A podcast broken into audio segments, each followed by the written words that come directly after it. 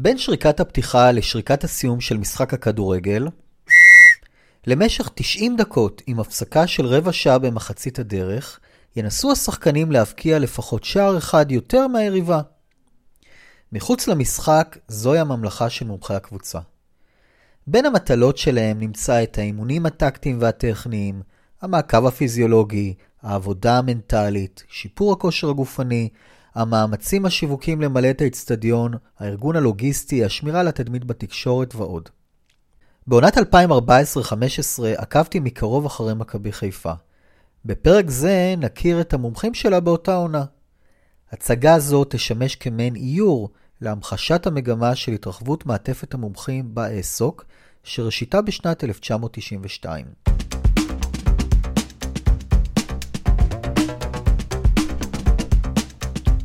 היי, קוראים לי משה טלסניק, דוקטור משה טלסניק. את המחקר שלי עשיתי על מומחים, על כדורגל ועל מומחים לכדורגל. על מה שכתבתי ומצאתי תוכלו להקשיב לו כאן, בפודקאסט המומחים לכדורגל.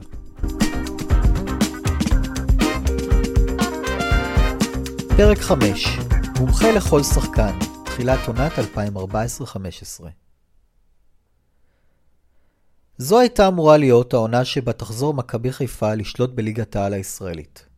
שנתיים קודם לכן חזר אל המועדון אחד מכוכבי הכדורגל הגדולים של הקבוצה, ראובן עטר, לעמדת המאמן הראשי. תשעה משחקים בלבד ניהל עטר, שבמהלכם השיגה הקבוצה ניצחון בודד, עד שפוטר והוחלף על ידי כוכב עבר אחר של המועדון, מאמן קבוצת הנוער, אריק בנאדו. סדרה ארוכה של ניצחונות שהביאה את מכבי חיפה בשלבי סיום העונה עד למרחק נגיעה מאליפות, הבטיחה למאמן הצעיר חוזה לעונה נוספת. מומנטום ההצלחה לא נמשך בעונה לאחר מכן, וכבר בחודש אפריל, כשהיה ברור שחיפה לא תתמודד על תואר האליפות, ראה בנאדו את מחליפו, המאמן הסרבי אלכסנדר סטנויביץ', יושב ביציע הכבוד לצד נשיא המועדון במהלך משחק הליגה מול הפועל קריית שמונה. המשחק אגב הסתיים בהפסד 1-3. במרבית שנות הקריירה שלו שיחק סטנויביץ' כקשר הגנתי בקבוצת נעוריו פרטיזן בלגרד. בגיל 29 פרש ממשחק והתחיל ללמוד אימון כדורגל בהתאחדות הסרבית עד לקבלת כל ההסמכות הדרושות לעיסוק. בריאיון שערכתי איתו טען שלמרות ניסיונו העשיר כשחקן, את מרבית הידע שלו על אימון למד בקורס בהתאחדות ובהשתלמויות בקבוצות מקצועניות, במיוחד באייקס ההולנדית וביובנטוס האיטלקית. בשנת 2010, בגיל 36, היה סטנויביץ' למאמן הראשי הצעיר ביותר בתולדותיה של פרטיזן בלגרד, אותה הוביל לזכייה בדאבל, אליפות וגביע באותה עונה, ובהמשך להעפלה לשלב הבתים של המפעל החשוב בכדורגל האירופאי, ליגת האלופות. באמצע עונת 2011-2012, בשל סכסוך עם נשיא המועדון, פוטר סטנויביץ' ובמקומו מונה מאמן מכבי חיפה לשעבר אברהם גרנט, שגם זכה באליפות.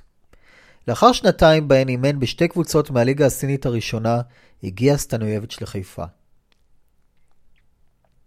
הנה המאמן הסרבי, בריאיון שערכתי איתו במהלך מחנה אימוני טרום עונה בעניין אחת מהדרישות שלו. First I told the team, club, I want some Israeli players who is a big character and who has a who is a leader, who is the with a big name here, yeah, Yeah. big, but positive. And, and it must be Israeli. Israeli, yes, must be Israeli. הוצאו לסטנויביץ' שני שחקנים ישראלים עם ניסיון עשיר בנבחרת ועם קריירה מרשימה בחו"ל, ששיחקו באותה עת באנגליה. פרט לבחינה של יכולתם המקצועית, שיקול משמעותי נוסף בהחלטה במי מהשניים לבחור היה התדמית שלהם, כפי שבא לידי ביטוי בתקשורת ובפרופילי המדיה החברתית שהם תחזקו. מה הם כתבו, איזה תמונות הם העלו, כיצד הם התייחסו לחבריהם לקבוצה. בסופו של דבר הועדף השחקן בן ה-34, ש-12 שנים קודם לכן יצא מהמועדון לקריירה באירופה, אחרי זכייה בשתי אליפויות רצופות, יוסי בניון. ב-15 ביולי 2014 יצאה הקבוצה לעיירה האוסטרית לאוגנג, למחנה אימון טרום עונה שנמשך 12 ימים. זהו מקום מבודד ופסטורלי. כל מקום אליו אתה מביט נראה כמו גלויה. האתר נבחר מבעוד מועד לאחר סיור שקיים באזור בחודש אפריל המנהל הטכני רועי שני, בליווי נציג של חברה אוסטרית שמתמחה בארגון מחנות אימון לקבוצות כדורגל. אל הסיור יצא שני עם רשימת קריטריונים לבדיקה של האופציות השונות, כפי שהוגדרו באחד מנוהלי תקן איזו, שהמועדון מקיים מאז 2005. אל המלון הגיעו השחקנים ואנשי הצוות המקצועי סמוך לחצות, אחרי נסיעה באוטובוס משדה התעופה במינכן. שם חיכתה להם ארוחה שבושלה על ידי השף גולן ישראלי, שהובא במיוחד מישראל. הדגשים לתפריט ארוחה זו, ולכל הארוחות לימי מחנה אימון, כמו בארוחות במתחם האימונים לאורך כל העונה, ניתנו מראש על ידי תזונאי המועדון, ליאור מאני. ראש המשלחת למחנה האימון היה מנהל הקבוצה, שחקן העבר אדורם קייסי. הוא היה אחראי על סדר היום וההתנהלות של כל השחקנים ובעלי התפקידים במהלך מחנה האימון.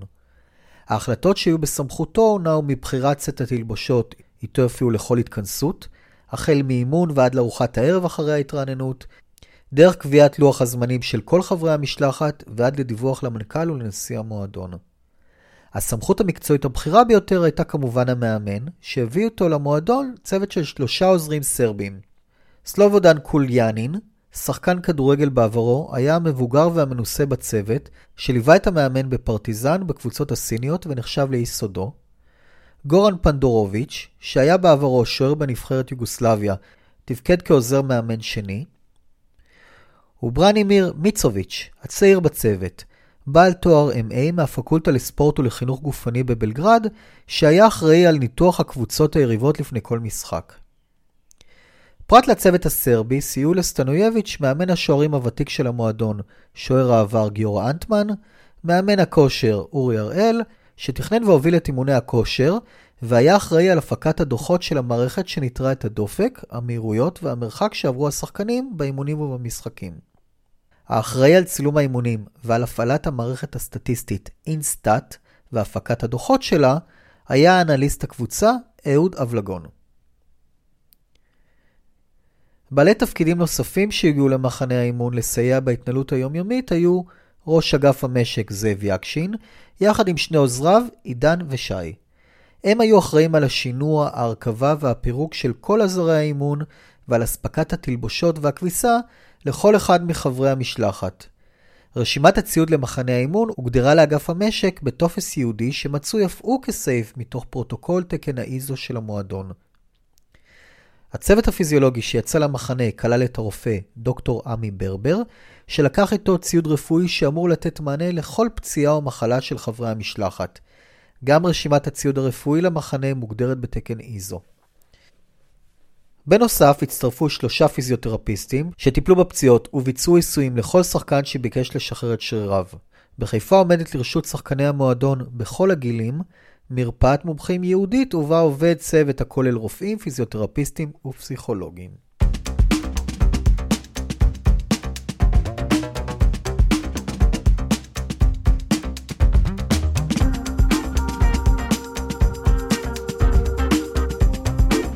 אחד מבעלי התפקידים הדומיננטיים ביותר במועדון שיצא למחנה האימון היה הדובר דודו בזק. בזק היה עיתונאי ספורט בעיתון מעריב, שבשנת 2008 הוצע לו, בהמלצת עמיתו העיתונאי הוותיק יוני הללי, להחליף את דובר מכבי חיפה דאז, רוי דניאל. בריאיון שערכתי איתו, סיפר כיצד העניין הכלכלי היווה שיקול מרכזי בהחלטה לעזוב את העיסוק בעיתונות המודפסת, ולעבור לדוברות של המועדון, אותו אוהד מגיל צעיר. בקיץ 2014, תפקידו של בזק במועדון הוגדר כראש מערך תקשורת, שאחראי על העבודה מול הכתבים בכל כלי המדיה, עיתונות, טלוויזיה, אינטרנט ורדיו, המסקרים את המועדון בפרט ואת הכדורגל הישראלי בכלל. בנוסף, הצוות של בזק תחזק עבור המועדון אתר אינטרנט ופרופילי מדיה חברתית שונים שדיווחו באופן שוטף על הקבוצה הבוגרת ועל מחלקות הילדים והנוער של מכבי חיפה. אני הייתי הגורם היחיד מחוץ למועדון שעקב באוסטריה אחרי מחנה האימון של הקבוצה בקיץ 2014. הפרט הזה לא מנע מכלי תקשורת רבים לדווח על ההתרחשות והאווירה במקום, עד שנדמה היה שזה נעשה ממקור ראשון של כתב בשטח. כל חומרי הרקע, הרעיונות, התמונות וקטעי הוידאו הועברו למערכות מדורי הספורט על ידי בזק. לאף עיתונאי ישראלי לא הייתה היכולת הרשמית להציב ממקור ראשון את המידע שהתקבל מהדובר על האווירה החיובית, על היכולת המעולה של הזר החדש, על החיבור של השחקנים עם צוות האימון ועוד. כך למשל, באתר ערוץ הספורט היה דיווח של תומר לוי שנקרא שקט עובדים, ודורון בן דור באתר וואן סיפר על הקידוש שהנחה בניון ושחרור שחקנים מאימון הערב. במחנה האימון טען באוזני בזק שעם כניסתו לתפקיד, 40% מהידיעות על מכבי חיפה בתקשורת יצאו מהמועדון, בעוד שב-2014 כבר דובר על כ-70%. השאיפה של בזק הייתה להגיע לכמעט 100% של שליטה בידיעות על מכבי חיפה בכל כלי התקשורת.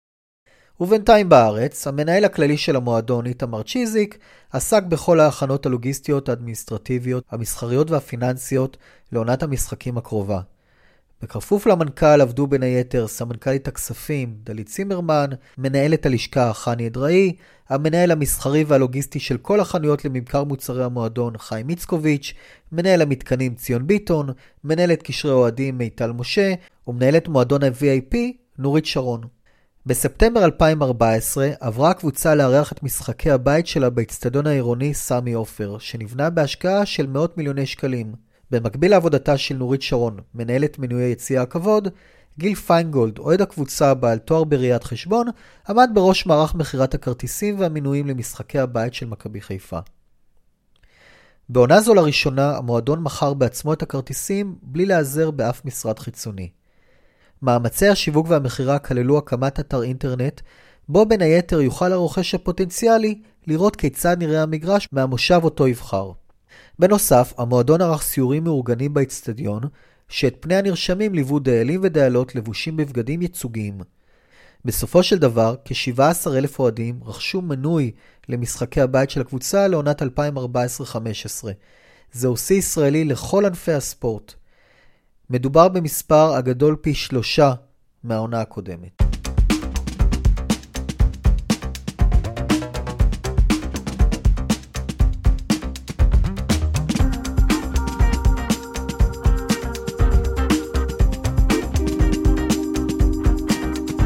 בעונה האחרונה, לפני שהמועדון עבר לבעלות של איש העסקים יעקב שחר, במקביל לעיסוקו כמנהל סניף בנק לאומי בחיפה, בני ברנשטוק ניהל בהתנדבות את מחלקת הכדורגל של אגודת הספורט מכבי כרמל חיפה.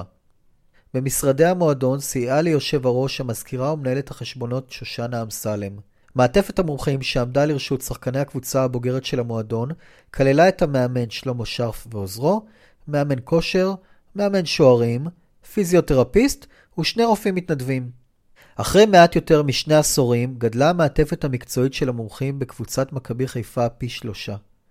הפרקים הבאים יעסקו בתהליך הממושך ב-14 השנים הראשונות של המועדון, מאז רכש אותו יעקב שחר. אך לפני זה נברר מהו מומחה, והאם אפשר לזהות סוגי מומחים בכלל ובקבוצת כדורגל בפרט. עד כאן בינתיים. תודה לעידו שערך את הסאונד. בפרק הבא נגדיר מי הם מומחים, וכיצד נבדיל אותם ממי שאינם מומחים. ההדיוטות.